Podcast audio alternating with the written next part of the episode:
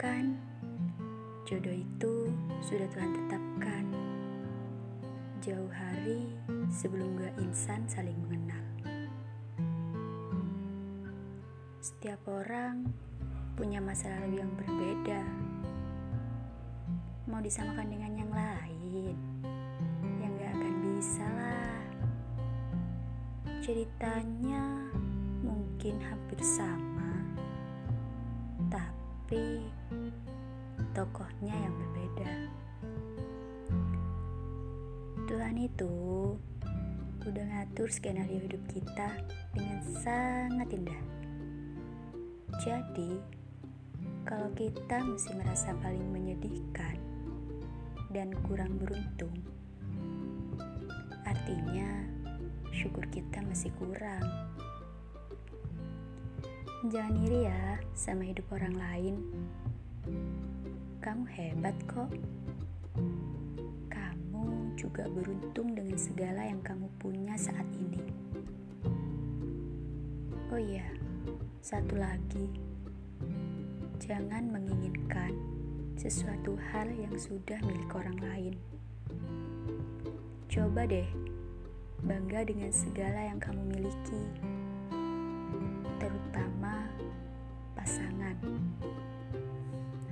Syukuri aja kelebihan dan kekurangan pasanganmu itu. Karena apa? Karena belum tentu orang lain bakal mau jadi pasangan kita juga.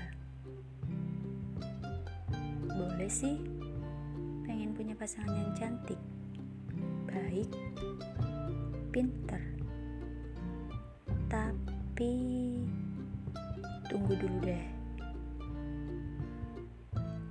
Kamu pikir manusia itu sempurna, nggak punya kekurangan.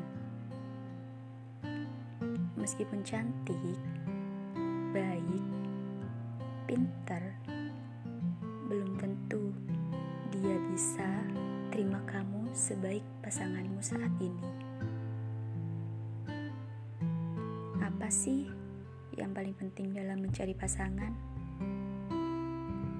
Kalau menurut aku, yang paling penting itu cari pasangan yang bisa terima kekurangan dan juga kelebihan kita. Dan juga ini yang.